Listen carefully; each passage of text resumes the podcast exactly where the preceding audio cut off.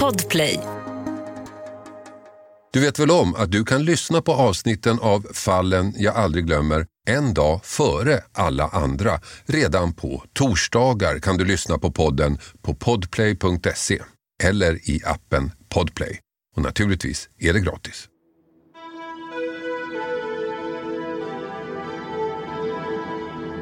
Jag var ju helt ny och hade liksom ingen erfarenhet om vad jag egentligen skulle tänka utan jag bara gjorde. Idag med lite annan erfarenhet så hade vi kanske agerat annorlunda men, men så var det för 30 år sedan.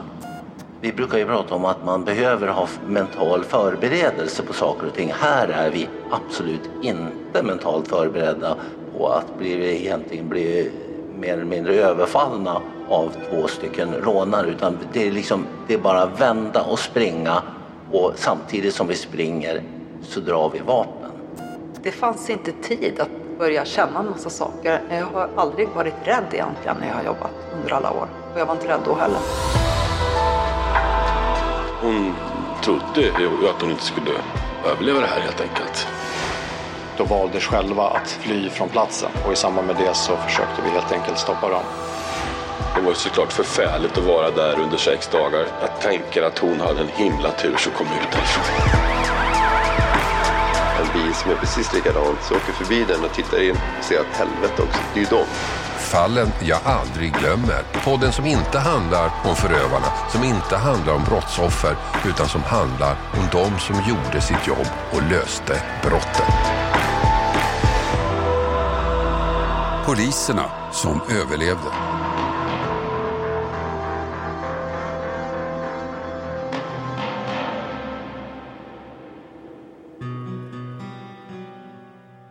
Välkomna till min podd. Den här gången blir det lite annorlunda. Jag brukar ju säga att den här podden inte handlar om förövare, inte om offer, utan de som löste fallet, de som gjorde sitt jobb. Men de vi ska träffa den här gången hade ingen utredning. Men de gjorde verkligen sitt jobb med livet som insats. 1999 sköts två poliser ihjäl i Alexander. Det kan ni höra om i ett annat avsnitt av min podd. Men redan sex år tidigare hade precis samma sak kunnat inträffa. Två poliser som kunde skjutits ihjäl i jobbet. Och nu väljer de att berätta om den här dagen för första gången. Mediatrycket var hårt redan då men de ville inte prata om händelsen förrän idag. Vi kände oss väldigt uppmärksammade på ett negativt sätt av media också. Och eh, man kände ju att eh, liksom, man gärna ville ha våran, att vi skulle yttra oss om det här. Det är en lördag för 30 år sedan. Annika Svensson och Thomas Eriksson jobbar båda som poliser i Uppsala. Thomas som anställd, Annika som praktikant i sin utbildning. Den här dagen var det första gången de två träffades. Det här var en lördag i mars 1993, 27 mars 1993. Jag var polisaspirant, jag var under utbildning till polis. Mm. Du var inte ens färdig alltså? Nej. Det här var en praktiktjänst du hade då? Ja, man kan säga att man, eh, då på den tiden så gick man ett år på Polishögskolan, sen gjorde man praktik ett och ett halvt år ute på en myndighet och sen gick man en avslutande eh, ett halvår till och sen blev man färdig polis. Eh, jag hade då alltså gått min utbildning i ett och ett halvt år ungefär. Och Thomas, vem var du den här Eh, dagen? ja, jag jobbade, eh, jag jobbade på ungdom. Eh, jag hade en ungdomssektion där mitt jobb var att jobba i yttre tjänst och, och helt enkelt finnas ute bland eh, ungdomar. Och det här var det första gången ni träffade varandra den här dagen? Ja.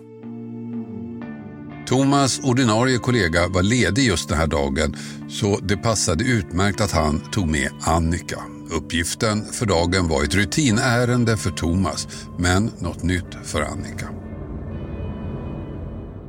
Thomas och jag kände inte varandra sedan tidigare, vi hade inte jobbat ihop eh, sedan tidigare utan jag såg att det här skulle bli ett tillfälle då vi skulle jobba med ungdomar och jag skulle få se hur man jobbar med ungdomsarbete, utredning och kontakt med ungdomar. Vad var dina förväntningar på dagen Thomas? Vad, vad trodde du att ni skulle göra denna dag? Ja, den, just den här dagen så, så var det ju två olika ungdomar som hade rymt från sina respektive boenden. Så att målet var att försöka hitta en eller bägge. Mm. Och var är vi någonstans, rent geografiskt? Då är vi strax utanför Uppsala. Vi började att titta efter ungdom på ett ställe och eh, sen åkte vi över till Björklinge för att helt enkelt fråga om en adress på posten. För att eh, det fanns två olika ställen som hette samma sak och vi behövde ta reda på vilken av de här adresserna som var aktuell. Tanken var att de skulle kolla upp en adress. Det fanns två med samma beteckning och på posten kunde de klara ut vilken adress som var vilken.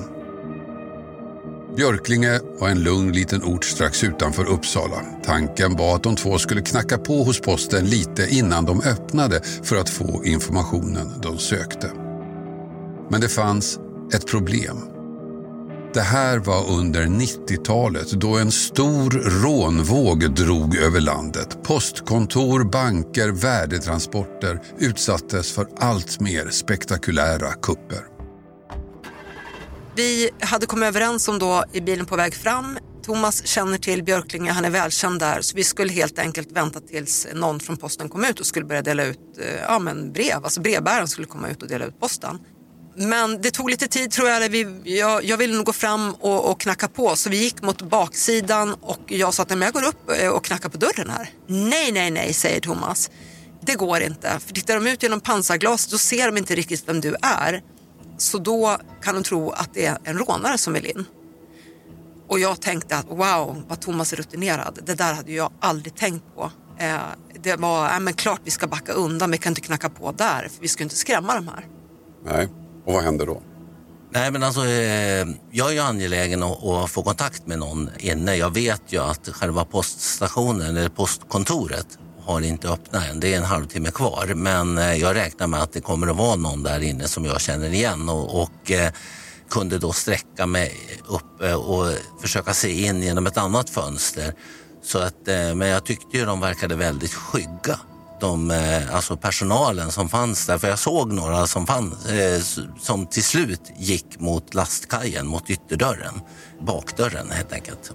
Och då beslutade vi oss att gå dit och jag hade ju pratat med Annika hela tiden om att, eh, att ja, de, verkar, de verkar lite skygga och de kan ju vara rädda för att helt enkelt bli rånade så att vi liksom måste vara väldigt tydliga med, eftersom vi var civilklädda, att visa att vi var poliser. Så att vi gick då till, till lastkajen för att helt enkelt de skulle se direkt att vi var poliser. Men vad varken Thomas eller Annika visste var att rånhotet den här dagen var verkligen aktuellt. För just där och då var två gangsters inne i postkontoret. Just där och då pågick ett rån. De två gärningsmännen hade precis bundit personalen och tagit en säck med pengar när Thomas och Annika knackade på dörren. Så när de två gick runt byggnaden till lastkajen förändrades allt. Rutinärendet blev något helt annat, något de inte ens kunnat föreställa sig i sina värsta fantasier. Ja, vi viker, man kan säga att vi går som en liten gränd och så ska vi vika runt hörnet till höger för att komma till lastkajen vid posten. Och när vi viker runt hörnet och tittar upp mot lastkajen, då möts vi av två personer som står iförda maskering, en med en säck över ryggen och den andra står med någon typ av större vapen i händerna. Och vi förstår att det här är inte brevbäraren. Eh, så utan att kommunicera med varandra så viker vi tillbaka in i gränden, springer in ett 10-15-tal meter och ställer oss på varsin sida av gränden egentligen med 3-4 meter mellan oss och vänder oss tillbaka mot ja, men där lastkajen mynnar ut så att säga och eh, drar vapen helt enkelt. Men hur tänker du då? Du är liksom praktik och plötsligt så är det skarpt läge. Hur reagerar du? Jag kommer inte ihåg att vi tänkte eller att jag tänkte så mycket. Jag reagerade och agerade, tror jag, som Thomas agerade och eh, det vi hade ju ingen kommunikation, vi pratade inte med varandra utan vi bara agerade. Hur tänkte du Thomas? Ja, eh, dels så hade vi ju pratat om att vi behöver, vi var vi tydliga med att vi är poliser. Så att vi eh, hann ju ställa oss bägge två med armarna upp i luften och där vi, eller rättare sagt visade upp polislegitimationen och sa att de inte skulle bli rädda för oss. Men då när, när de då kommer ut i samma stund och vi ser att de har rådarluvor på sig så var min första tanke det här ser ut precis som på filmskjutbanan på, eh, när man går polisutbildningen. Mm. Så att, eh, och man hinner ju tänka en massa saker. Liksom hjärnan, vi brukar ju prata om att man behöver ha mental förberedelse på saker och ting. Här är vi absolut inte mentalt förberedda på att bli, egentligen bli mer eller mindre överfallna av två stycken rånare. Utan det är, liksom, det är bara vända och springa och samtidigt som vi springer så drar vi vapen.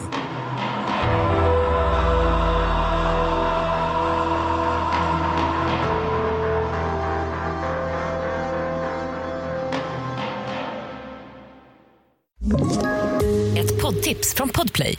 I podden Något Kaiko garanterar östgötarna Brutti och jag, Davva, dig en stor dos skratt. Där följer jag pladask för köttätandet igen. Man är lite som en jävla vampyr. Man har fått lite blodsmak och då måste man ha mer. Udda spaningar, fängslande anekdoter och en och annan arg rant. Jag måste ha mitt kaffe på morgonen för annars är jag ingen trevlig människa. Då är du ingen trevlig människa, punkt. Något Kaiko, hör du på Podplay. Därför är gardinerna.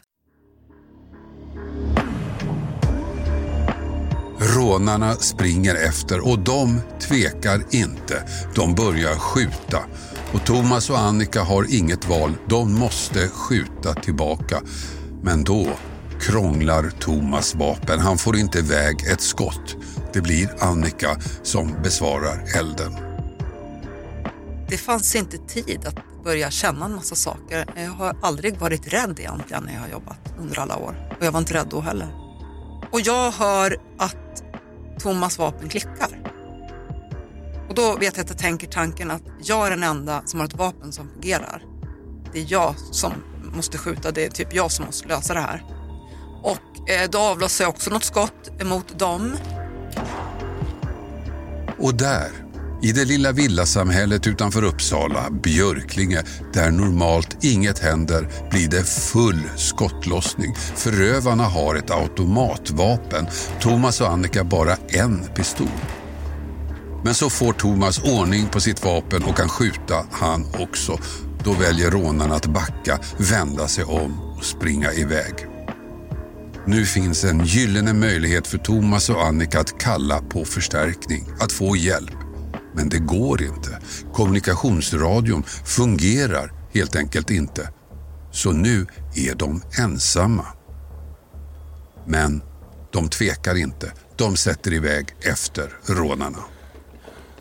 Jag springer efter och eh, när jag kommer runt hörnet så visar det sig att de har hoppat in på en altan på en villa och när jag kommer runt hörnet så kliver de ut från altanen och eh, börjar skjuta mot, eh, mot mig. Då är jag på lite längre avstånd, då är jag cirka 25 meter bort. Men eh, jag eh, står ju ja, på en gata och utan någon så skydd, skyl överhuvudtaget så att jag eh, besvarar elden ja, så gott det går. Annika hänger på.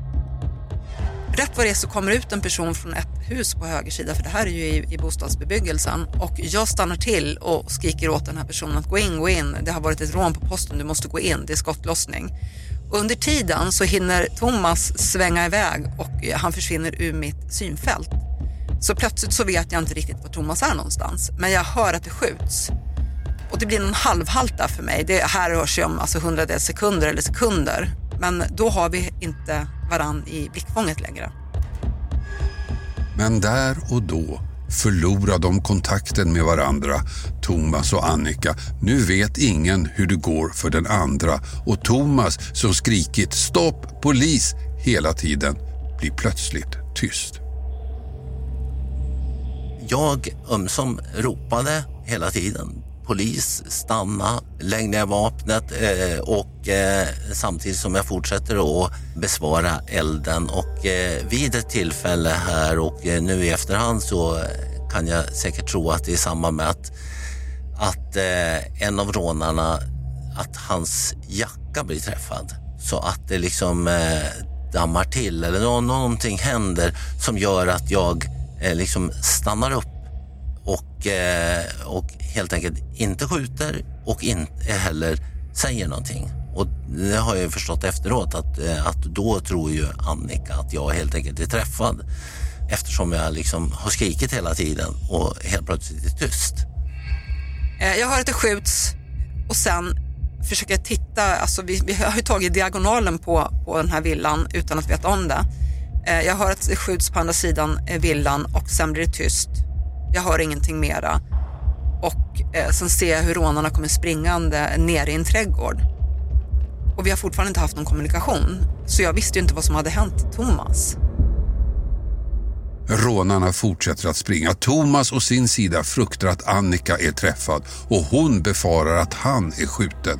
En kort stund tror båda två att bara de är själv kvar.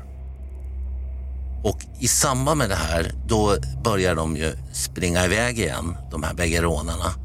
Och jag funderar ju på, var är Annika? Jag vet ju att hon inte är där jag är och eh, framför allt att hon inte är träffad eller så. Och då, medan jag står där och de springer iväg, så hamnar de ju liksom i sikte för Annika och då skriker hon polis stanna och pang pang och så skjuter och då eh, det är ju sånt som jag ryser av även idag när jag känner liksom att oj vilken tur Annika liksom eh, hon fortfarande kan agera och det här gör ju att, eh, att jag också följer efter sen för att se var de tar i vägen. För att eh, målsättningen är, är ju ändå att de här ska ju fångas på ett eller annat sätt.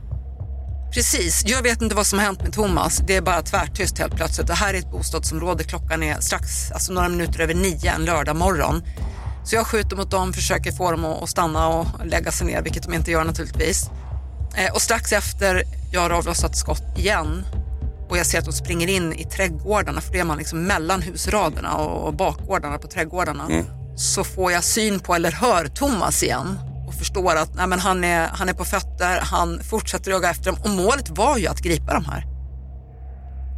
Nu är de tillsammans igen, men nu har rånarna delat på sig. Thomas får syn på den ena och springer efter honom. Ja, för att eh, jag eh, sprang in bakom ett garage eh, runt ett hus och för att genskjuta han med postsäcken och möter honom i en, en villaträdgård. Så att vi blir stående mitt emot varann. Han då med rånarluva och med det här elvapnet och eh, postsäcken. Så han ställer ifrån sig postsäcken. Jag fortsätter ju att ropa hela tiden. Och vi är ju bara på dryga två meters avstånd från varandra. Och jag blir så förvånad över att han inte ger sig när jag står med, med ett vapen framför honom, eh, ett skjutvapen och han inte, eh, helt enkelt inte eh, lägger det här ifrån sig eller ger upp. Och eh, jag känner att jag kan inte skjuta honom på det här, på det här avståndet utan jag, jag, försöker helt enkelt sparka omkull honom för att kunna övermanna honom.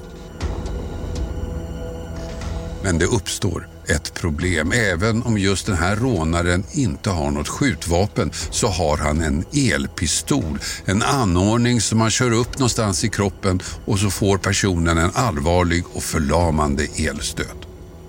Men för att den ska vara effektiv måste vapnet användas rätt och det visar sig att rånaren inte har full koll. det är ju egentligen bara tur att det, att det går så bra som det går. För att eh, när jag försöker sparka honom då hoppar han fram och slår det här elvapnet i låret på mig. Men det är bara den ena spiken som tar i. Så att eh, efteråt har jag fått höra att, eh, att eh, för att det här var ju liksom innan det var vanligt att man hade eh, elvapen överhuvudtaget. Då har man fått reda på att ja, men, risken är ju är väldigt stor att jag har liksom blivit utslagen. Mm. Men hur som helst så, så lyckas jag slå det här ur händerna på honom och han springer då tillbaks mot platsen där den här andra rånaren sitter och siktar.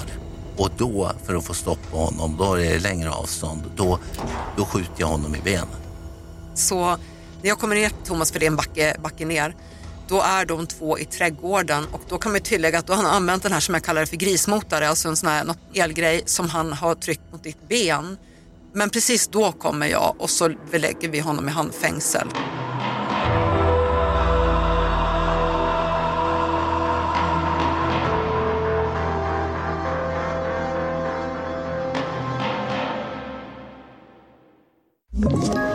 Ett poddtips från Podplay. I podden Något Kaiko garanterar östgötarna Brutti och jag, Davva, dig en stor dos skratt. Där följer jag pladask för köttätandet igen. Man är lite som en jävla vampyr. Man har fått lite blodsmak och då måste man ha mer. Udda spaningar, fängslande anekdoter och en och annan arg rant. Jag måste ha mitt kaffe på morgonen för annars är jag ingen trevlig människa. Då är du ingen trevlig människa, punkt. Något Kaiko, hör du på Podplay. Därför är Fortfarande fungerar inte kommunikationsradion. I alla fall inte hela vägen till ledningscentralen så Thomas och Annika får ingen kontakt med sina kollegor. De får ingen hjälp. Men det är ju 1993. Det finns ju en annan lösning att få kontakt.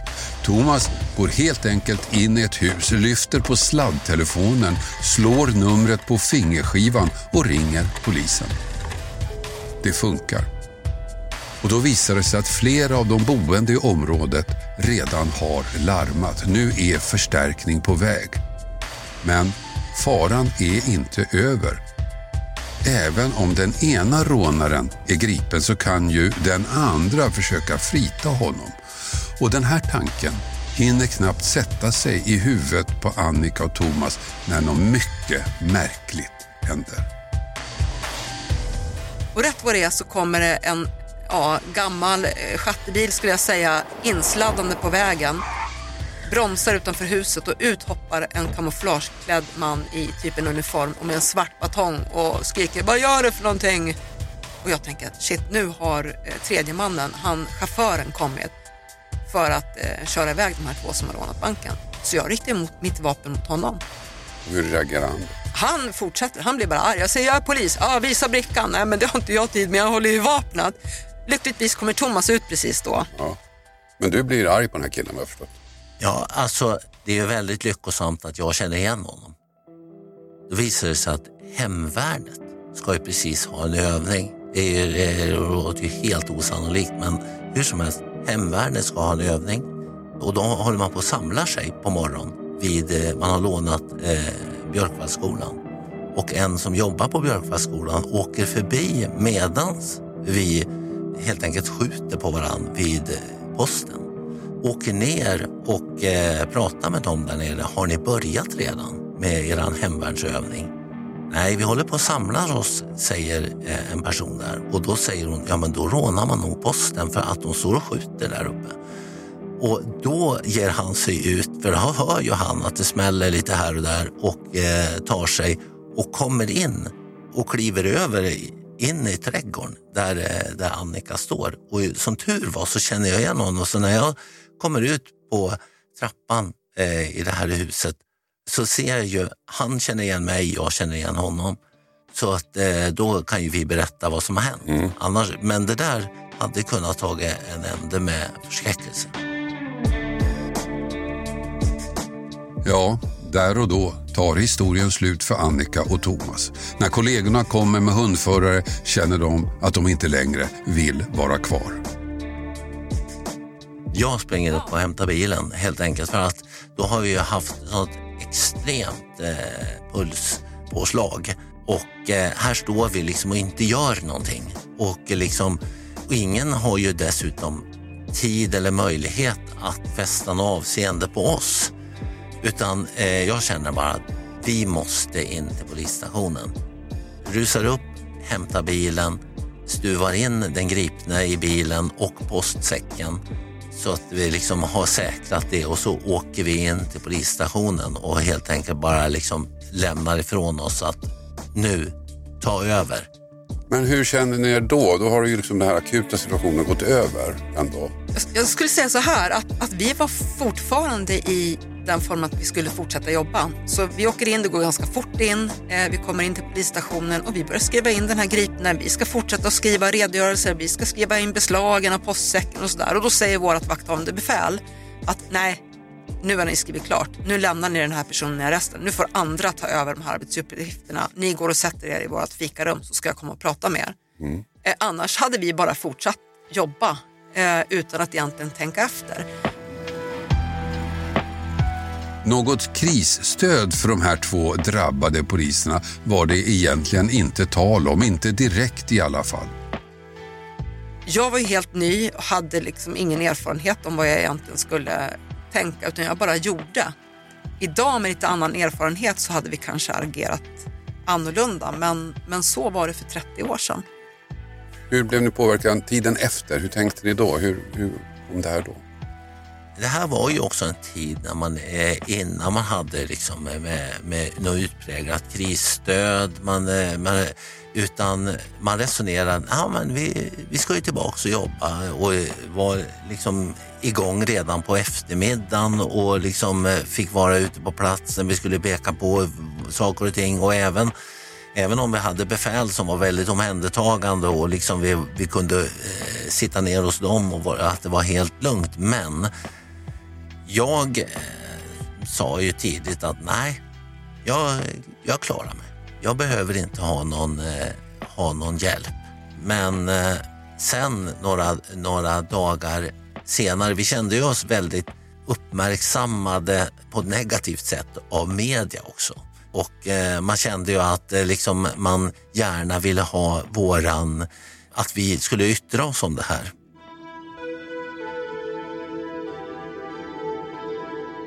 Men händelsen satte sina spår förstås, så här berättar Annika.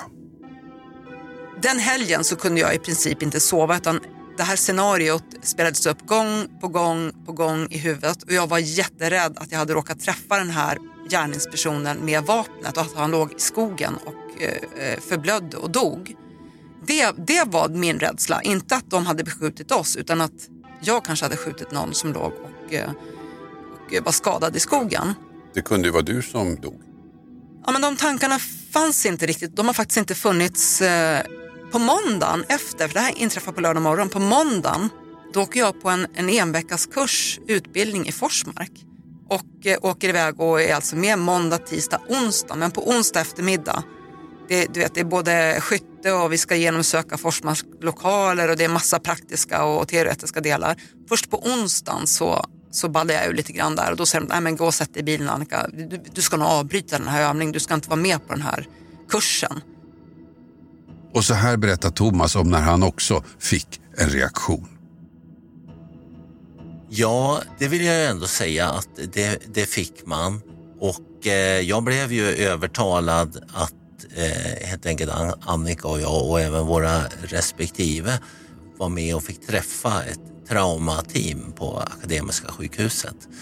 Och jag vill minnas att vi, att vi träffade dem en gång med våra respektive och ytterligare en gång. Så det var väl första gången som det här introducerades med just professionell hjälp utifrån. Och, och jag vill ju minnas att eh, jag tyckte ju att det var, att det var väldigt skönt och att man eh, eh och sen vid ytterligare något tillfälle så har jag liksom eh, kunnat få hjälp som gör att man liksom helt enkelt kan ta bort det här från ens axlar och liksom kunna gå vidare.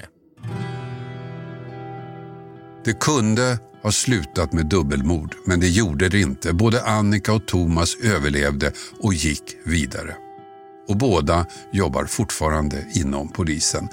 En person greps ju av de två kollegorna på platsen, men misstankarna var att rånarna hade varit tre. Dels han som sköt mot Thomas och Annika som kommit undan, men också en person vars uppgift var att köra flyktbilen.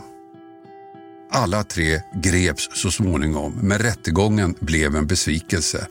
Både Thomas och Annika blev kallade till domstolen. När man väl hade, i och med att vi hade gripit en och då var det lätt att förstå eh, vilken kumpan han hade haft med sig. Och eh, där man också eh, kunde se att det här var en som, eh, som i våra handlingar stod som eh, det här är en farlig person.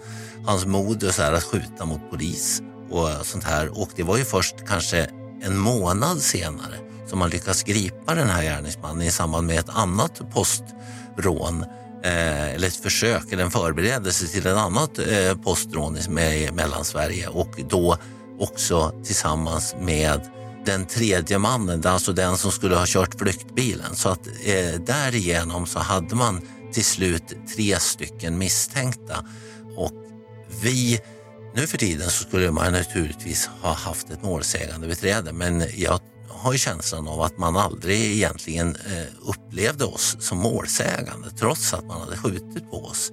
Utan att vi var mer vittnen och, och det skulle man ju naturligtvis i dagsläget ha fått en helt annan hjälp.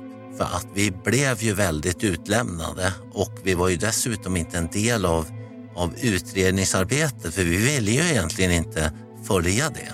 Men eh, det slutade ju med att eh, personen som, hade, eh, som vi är övertygade hade skjutit på oss, han blev ju friad från det här rånet då i tingsrätten.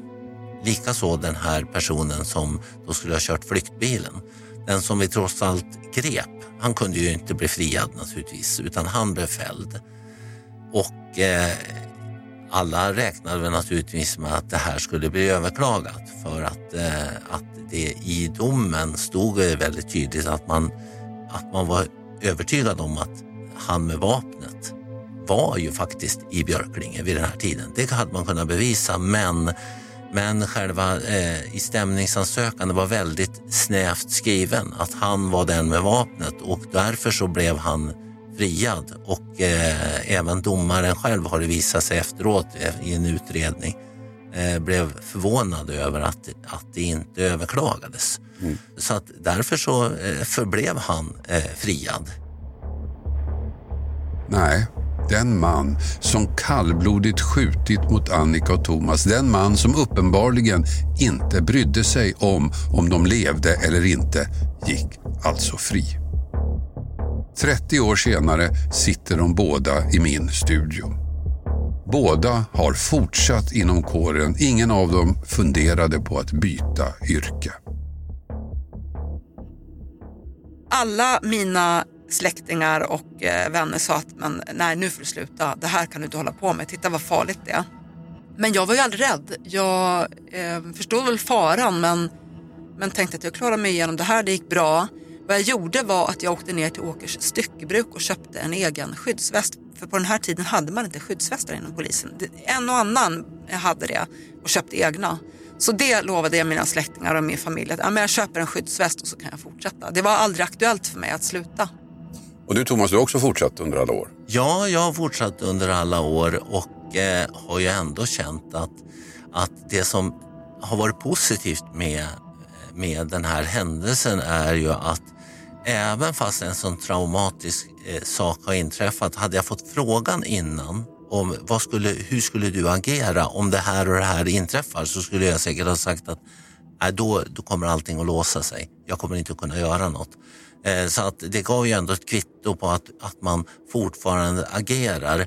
Samtidigt så har ju det här givit mig en bra insikt om det psykosociala omhändertagandet, vikten av det som jag i, så, i, i min tur då kan hjälpa andra med.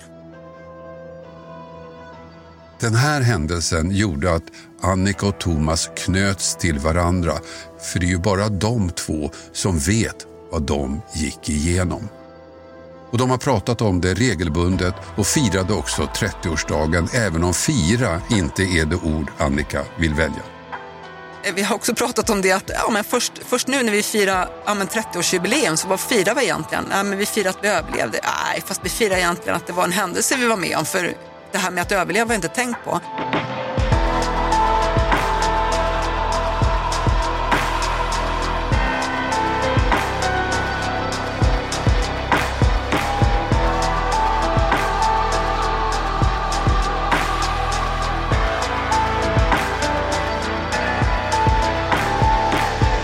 Du har hört podden Fallen jag aldrig glömmer. Klippning David Davva Persson. Och jag heter Hasse Aro. Du vet väl om att du kan lyssna på avsnitten av Fallen jag aldrig glömmer en dag före alla andra. Redan på torsdagar kan du lyssna på podden på podplay.se eller i appen Podplay. Och naturligtvis är det gratis. Podplay, en del av ett poddtips från Podplay. I podden Något Kaiko garanterar östgötarna Brutti och jag, Davva, dig en stor dos skratt. Där följer jag pladask för köttätandet igen. Man är lite som en jävla vampyr. Man har fått lite blodsmak och då måste man ha mer. Udda spaningar, fängslande anekdoter och en och annan arg rant. Jag måste ha mitt kaffe på morgonen för annars är jag ingen trevlig människa. Då är du ingen trevlig människa, punkt. Något Kaiko, hör du på Podplay. Därför är gardinerna.